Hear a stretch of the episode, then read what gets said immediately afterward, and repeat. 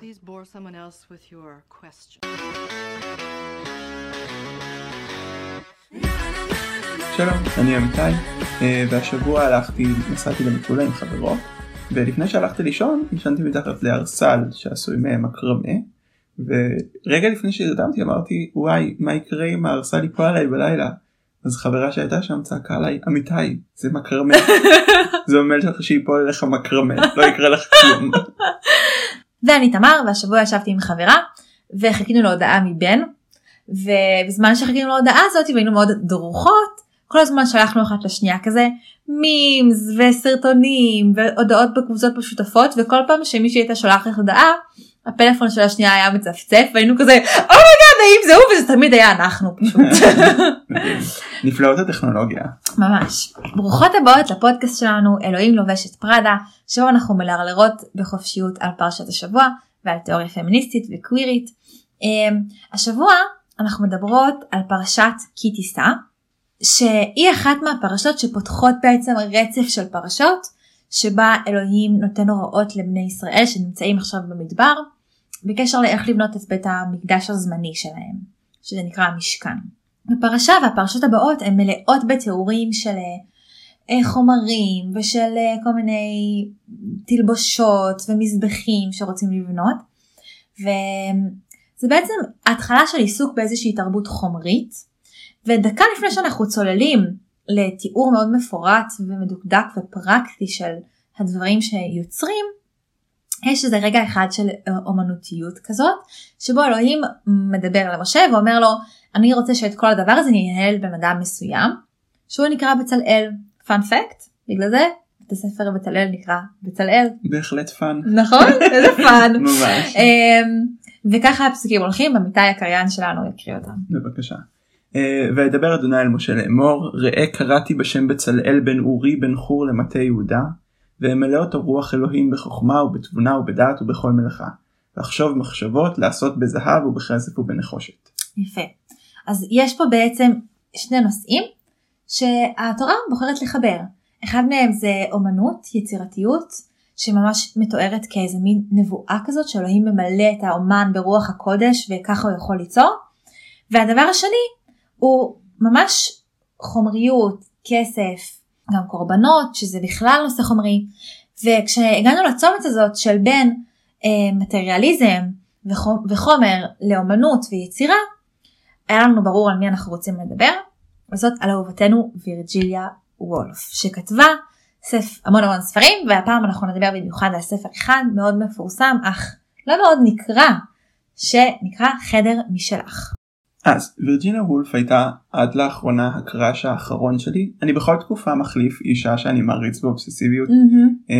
אז וירג'יניה וולף הייתה לפני שנה בערך Mm-hmm. אה, קראתי את כל הספרים שלה מאז וואו באמת? את רובם כן מרשים. כן זה היה זה היה רגע טוב אז וירג'יניה וולף היא אחת הנשים הכי מגניבות שחיו אי פעם ב- בעולם הזה וירג'יניה וולף היא סופרת אנגליה Mm-hmm. אמ, היא מבחינת כזה כותרות אומרים עליה שהיא אחת הסופרות הכי משמעותיות בספרות המודרנית כי היא הייתה אחת מהמפתחות הכי משמעותיות של זרם התודעה. ספרים שנכתבים בסגנון של זרם התודעה זה ספרים שבעצם העניין שלהם זה לעקוב אחרי איזשהו או שדרך הכתיבה שלהם זה לעקוב אחרי המחשבה המחשבות שעוברות על אה, בדרך כלל הדמות של המספר עכשיו זה באמת נושא של כאילו זה נושא נפרד אנחנו לא ניכנס לזה אבל מבחינת הכושר ההמצאה שלה זה כזה מין דבר מאוד חשוב שוולף עשתה. היא המציא- היא המציאה את ז'אנר כאילו, כן. שהיום אנחנו מכירים אותו בטירוף, הוא מאוד פופולרי, והוא לא היה קיים לפניה. ממש זאת אוקיי. הנקודה יפה כן.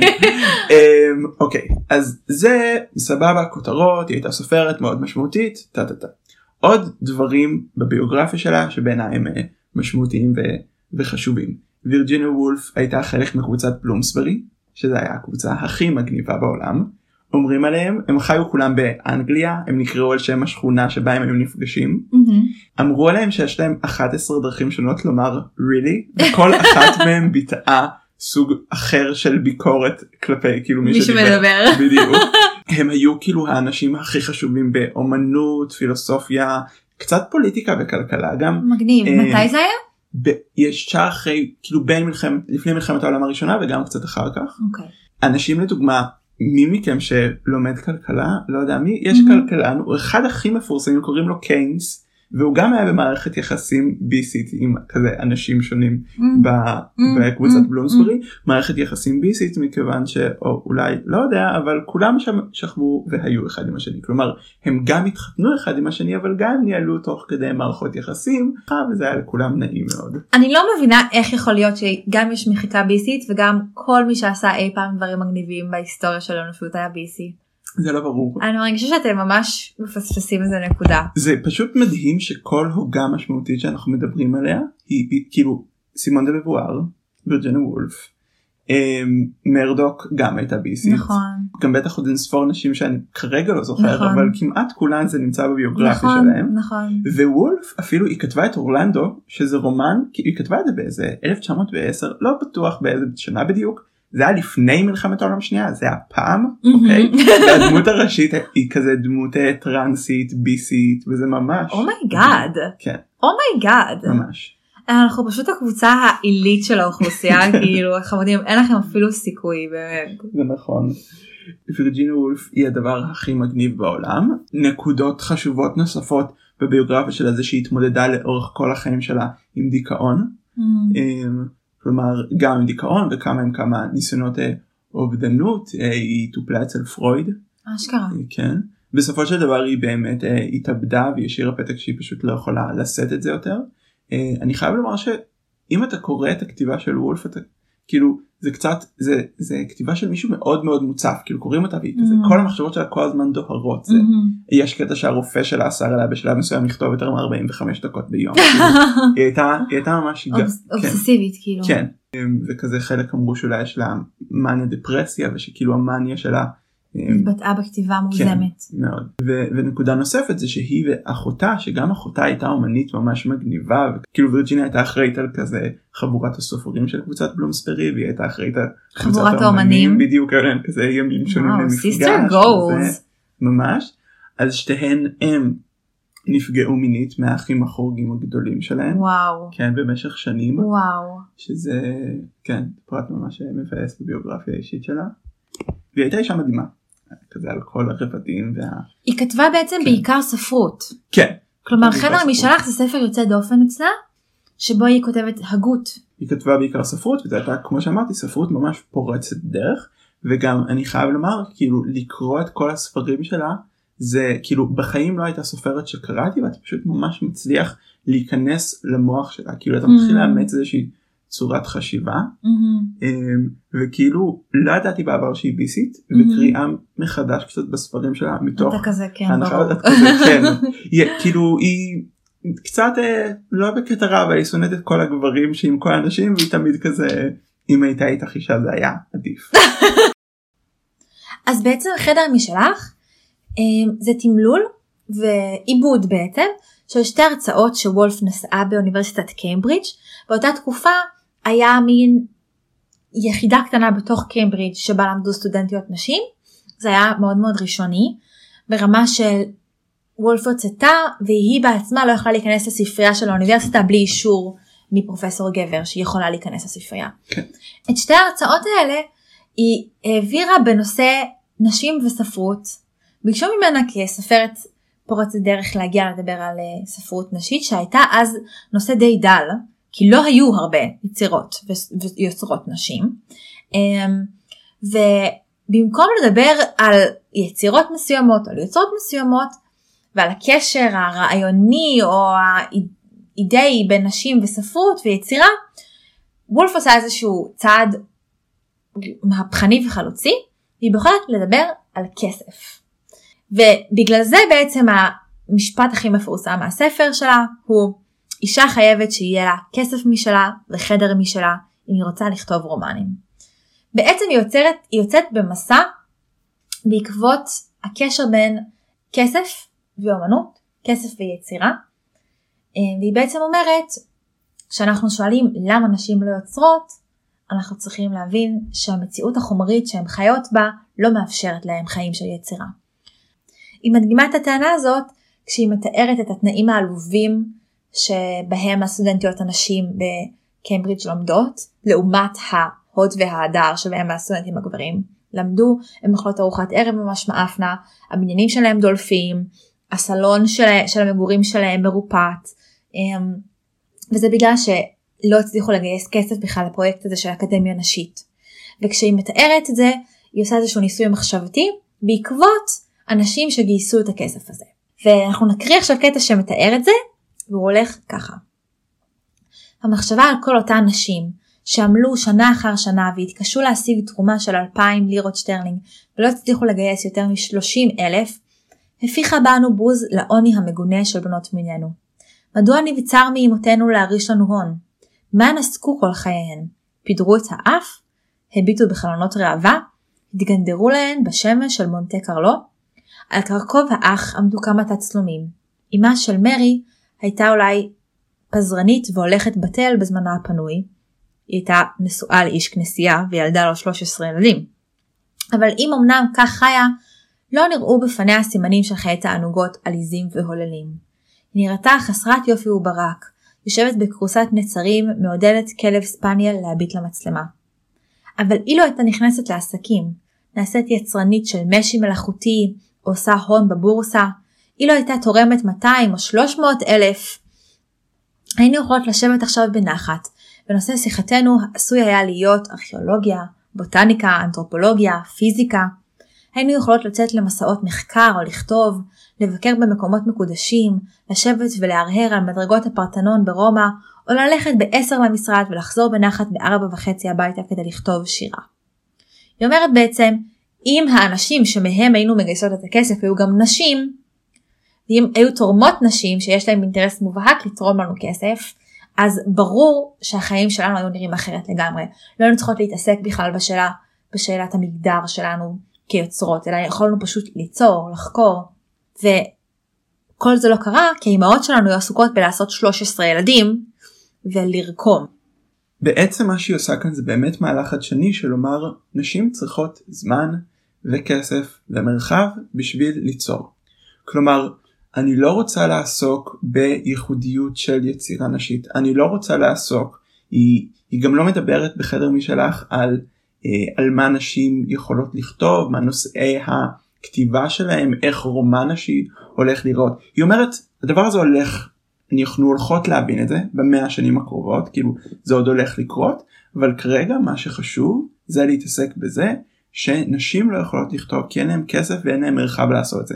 ועד שהחסמים האלה לא ילכו אני לא הולכת לדבר על ייחודיות של יצירה נשית ועל ספרות נשית ועל איך נשים כותבות כי זה נונסנס זה חסר משמעות. זה אפילו יותר מזה היא אומרת כאילו אני לא הולכת לשאול את השאלה של האם נשים יכולות לכתוב טוב כמו גברים מה ההבדלים המהותיים בין כותבים לכותבות מה ההבדלים המהותיים בין נשים לגברים כל אלה הם שאלות שמתבקשות לכאורה בדיון ראשוני לגמרי על ספרות נשית ועל השאלה האם נשים יכולות ליצור.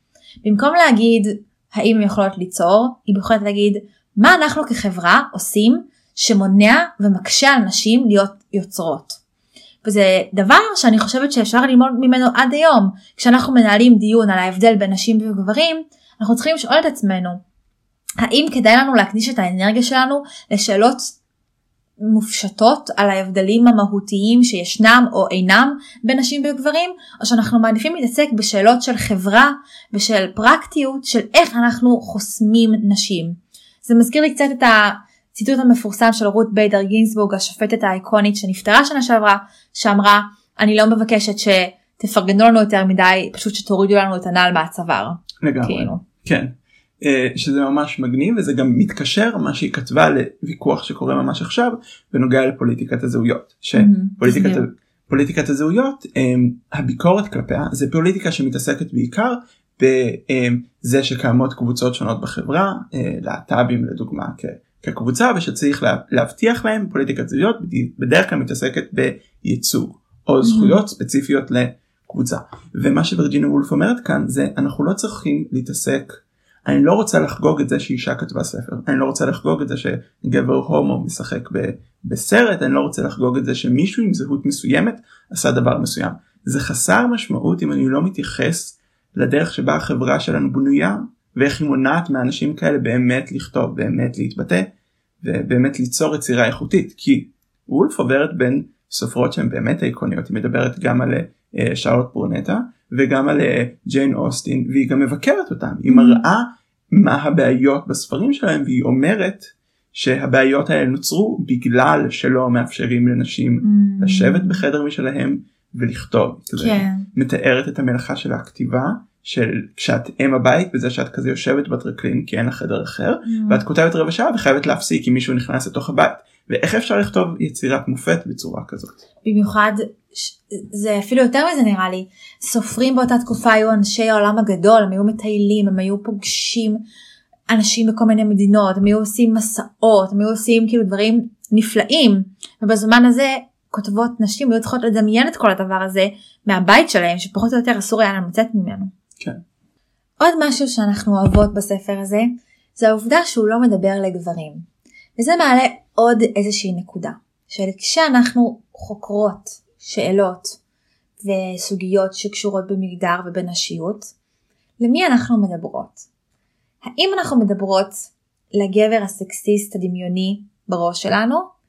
לטענות הנפוצות שתוקפות פמיניזם ותוקפות עצמאות נשית ואנחנו מנהלות אותו איזשהו debate אנחנו צריכות לענות לכל הטענות האלה אנחנו צריכות להסביר למה השאלות האלה הן טועות והנחות היסוד האלה הן שגויות ולמה בכל זאת נשים מגיע להן עצמאות ו- וכו' וכו' וכו' או שאנחנו מדברות אחת לשנייה כי בעצם חדר משלך הוא אולי היצירה הראשונה אי פעם שכתבה אישה על זכויות נשים יוצרות ועל יצירה נשית. אבל וולף לא בוחרת להתמקד בשאלות שאולי גברים היו שואלים על נשים יוצרות. היא בוחרת פשוט לדבר על סוגיות פנים נשיות ופנים יוצרות. אמ, אולי זה בזכות זה שהיא מדברת ונושאת את ההרצאות האלה לקהל נשי בלבד. ואולי זה בזכות זה שהיא סופרת גם ולכן היא עסוקה גם בזה שהחיבור הזה יהיה יפה ויהיה מעניין וייכתב באופן פואטי אבל בכל מקרה היא עושה איזשהו צעד מהפכני. כשעושים את הדבר הזה ומתחילים לדבר אחת לשנייה במקום לגבר הדמיוני בראש נשים הופכות להיות מרכז הדיון במקום גברים. זאת ההתחלה של שחרור שבה אני אומרת אני לא צריכה להוכיח שום דבר לאף גבר ואני לא צריכה להוכיח את הסובייקטיביות שלי לאף גבר אלא אני רוצה לעזור לעצמי ולנשים אחרות לפרוץ את המחסומים שהחברה שמה עלינו. זה מה שמעניין אותי. זה אקט שבעצם באופן שבו הדיון מתנהל הוא כבר יותר משוחרר מדיון שיכול להיות שהוא יעיל ויש יתרונות גם בלדבר לגבר הזה בראש אבל הוא בסופו של דבר שם את נקודת המבט הגברית במרכז במקום את נקודת המבט הנשית. והדבר הזה של לא להצליח להוכיח ממש מתקשר לוולף לנקודה של האמת כי וירג'יניה וולף לא רק שהיא לא רוצה להוכיח או להשתמש בטענות שלה כאיזשהו אמצעי ניצוח אלא היא חושבת שהאמת לא בנויה ככה שהיא לא יכולה להציג בפני הסטודנטיות איזושהי אמירה חותכת ואובייקטיבית. היא באמת מתחילה את ההרצאה אחד הדברים הראשונים שהיא אומרת להם זה לא אוכל לקיים את חובתו הראשונה על פי הבנתי של מרצה. להגיש לכם אחר דיון של שעה כביש אמת צרופה שאותו תוכלו לעטוף בנייר רשימות שלכם ולשמור לנצח על מדף האח. כאשר נושא הוא כה טעון ושנוי במחלוקת, וכל שאלה הנוגעת למינו של אדם היא כזו, אין סיכוי להגיע לאמת, אפשר רק להראות כיצד גיבשת לעצמך את הדעה שאת אוחזת בה. שזו נקודה, זה א' מאוד חדש לכתוב דבר כזה, וגם שוב הנקודה של אני לא צריכה להוכיח שום דבר, אז אני יכולה להתעסק בחוויות שלי, ולהתעסק בחוויות שלי מקרב אותי יותר לתאר את העולם הזה באמת, כי אני מצליחה לתאר את העולם הזה לא כשאני מתנצחת ומנסה לטעון שיש אמת אחת שאי אפשר להתמודד איתה, אלא מצליחה לתאר את החוויות שלי בצורה הטובה ביותר, וגורמת לסוף גם לקוראת ללכת איתי את המסע הזה. זה ממש יפה. אני חושבת שאפשר גם אולי להגיד שיש פה איזה ניצן של אולי מה שהיא המתודה הכי חשובה בפמיניזם אי פעם. והיא להגיד כדי להבין את שורש הדיכוי הכללי, כל אחת צריכה לעבור איזשהו מסע אישי. והדיכוי האישי שכל אחת חובה והצורה הייחודית שהדיכוי הזה לובש, היא לא רק מסע לשחרור אישי, אלא היא מסע לשחרור כללי. האישי הוא הפוליטי. אה, וכשאני חושבת על איך שהמהפכה הפמיניסטית נעשתה, שזה נעשה הרבה גם פשוט במעגלי נשים שהיו מדברות אחת עם השנייה ומספרות כל אחת את הסיפור שלה וביחד מנסות להבין את המכנה המשותף ביניהם. אני שומעת את וירג'יניה וולף כמין אם מייסדת של האמירה הזאתי. ואני חושבת שזאת גם אמירה פשוט מאוד יפה כמרצה כאילו להגיד אני לא מנסה להגיע לאמת אלא אני פשוט חושבת שמה שיש לי לומר הוא חשוב הוא משמעותי והוא מעניין. וזה אולי היופי גם של להיות אאוטסיידרית. כלומר כשאת לא יכולה כשברור לך שלא משנה מה תגידי כאישה מרצה אולי אחת מבין עשר היחידות בעולם באותה תקופה שלא משנה מה תגידי יפקפקו באובייקטיביות שלו אז את יכולה פשוט להרפות מההתיימרות לאובייקטיביות ובמקום זאת להיכנס לאיזשהו טיעון סובייקטיבי מורכב ומעניין ויפהפה. נקודה חשובה שצריך להתייחס אליה זה שהרבה ביקרו את וירג'ינה וולף. Mm-hmm. כלומר חדר משלך לא התקבל רק באמירות חיוביות ודווקא מנקודת מבט אה, ביקורתית. חדר משלך קיבל ביקורת שווירג'ינה וולף כותבת לנשים פריבילגיות. Mm. כאילו למי יש חדר משלך ו-500 לירות שטרלינג לכל אחת בשנים האלה. כלומר זה, זה איזושהי פנטזיה שהיא לא באמת אפשרית, היא לא באמת קיימת בעבור רוב. לנשים לא היה חשבון בנק אז איך יהיה להם כסף משלהן בכלל. בדיוק כאילו וולף מקבלת את זה כי אחת מה... לוולף יש 500 לירות בשנה בגלל שאחת מהדודות שלה המאוד עשירה מתה ומורישה לה כלומר ככה זה נוצר. Mm. עכשיו זו ביקורת היא קיימת זה סבבה. אה, אחת החוקרות של אה, וירג'ינה וולף ששכחתי את שמה אבל זה לא באמת משנה אה, מה שהיא אומרת זה ש500 או חדר משלך זה לא אמירה קונקרטית אלא איזשהו ביטוי שנועד להרחיב את המחשבה. Mm. למה הכוונה? חדר משלך זה תרגיל בדמיון מודרך. Mm. ברגע הראשון שמתחילים את הספר הם הולכים ממש עם וירג'ינה וולף ומטיילים איתה כזה בשבילים של האוניברסיטה ומתחילים לחשוב איתה. וכל הספר וירג'ינה וולף משחקת במה היה קורה אם. Mm. מה היה קורה אם אמא של מרי הייתה עובדת, מה היה קורה אם לאחות של שייקספיר הייתה אחות. מה היה קורה אם היינו עשירות, מה היה קורה אם לשאול ברונטה היה את כל המשאבים כדי לשבת ולכתוב. מה אם, מה אם, מה אם, מה אם. והיא מסיימת והיא אומרת שבמאה השנים הקרובות האישה תצליח לכתוב את הרומן המוצלח כאילו שהצליח לשנות גם את המבנה שלו ובאמת הצליחה. והנקודה כאן זה לומר אנחנו צריכות להתחיל לחשוב בדרכים חדשות. Mm. בשביל להתחיל לבצע איזושהי עשייה פמיניסטית צריך להתחיל לדמיין אפשרויות חיים אחרות ככה בעצם מתקדמים לקראת עתיד אחר. אה, עתיד כזה מתאפשר רק באמצעות פעולת דמיון שמובילה אותך להבין מה חסר לך במציאות מה רע במציאות מה מונע ממך ואיך את יכולה ליצור משהו חדש. אני חושב שהטענה הזאת נכונה כי היא אמפירית נכונה כי תחשבו על כל הדברים בעולם שקוראים להם איקס משלך זה כאילו הביטוי הפמיניסטי הגדול בעולם. כאילו פמיניסטיות דתיות יש להם קמפיין בסוכות שקוראים לו לולב משילה. אה, לולב משלך. כן, וכאילו יש אין ספור כאילו זה מלא משחק אם אתם תכתבו משלך בגוגל יש אין ספור משחקי כן. מילים וכאילו כן. זה הכל זה כזה די בטוח שיש פודקאסט שקוראים לו מיקרופון משלך. אשכרה. די משוכנע בזה אני לא בטוח במאה אחוז. אמ, וזה ממש הנקודה הזאת של כאילו תתחילו לחשוב באמצעות הקטגוריה הזאת של מה צריכה. מה עוד? כן. מה עוד? מה אם? בדיוק. איזה יפה. כן. אנחנו ממש וירג'יניה אנחנו ממש אוהבות אותך היא ממש אחת מהנשים האהובות עלינו. כן. כן אנחנו מזמינות אתכם גם לשאול מה אם בחיים שלכם בכלל בחיים שלכם כנשים או כגברים אם אתם אחד מחמישת הגברים שמאזינים לפודקאסט שלנו. יותר. וזהו.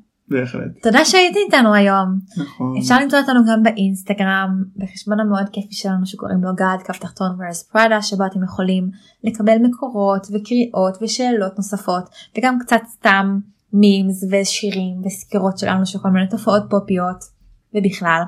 אנחנו מזמינים אתכם ומבקשות מכם גם להפיץ את הפודקאסט שלנו לאנשים שאתם אוהבות ושאתם חושבות שהם יאהבו אותו גם. ואנחנו מאחלות לכם שבת שלום. בהחלט. ביי. שבת שלום.